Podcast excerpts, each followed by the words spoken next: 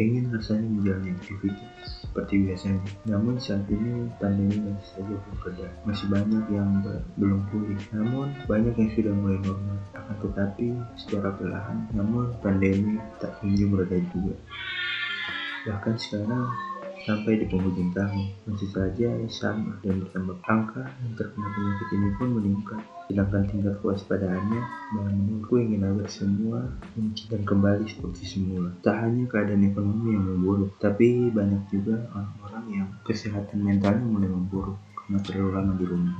Dan juga mungkin mungkin mereka merasakan kecemasan. Kecemasan akan suatu keadaan yang tidak gitu jelas bagi mungkin untuk saat ini hanya itu yang pasti semoga di tahun depan semuanya akan kembali kembali seperti semula. Yang terakhir segala kejadian yang terjadi saat ini pasti memiliki hikmah di baliknya dan dapat dijadikan sebuah pelajaran untuk ke depannya agar bisa lebih baik lagi. Sekian saya manusia di balik layar pamit.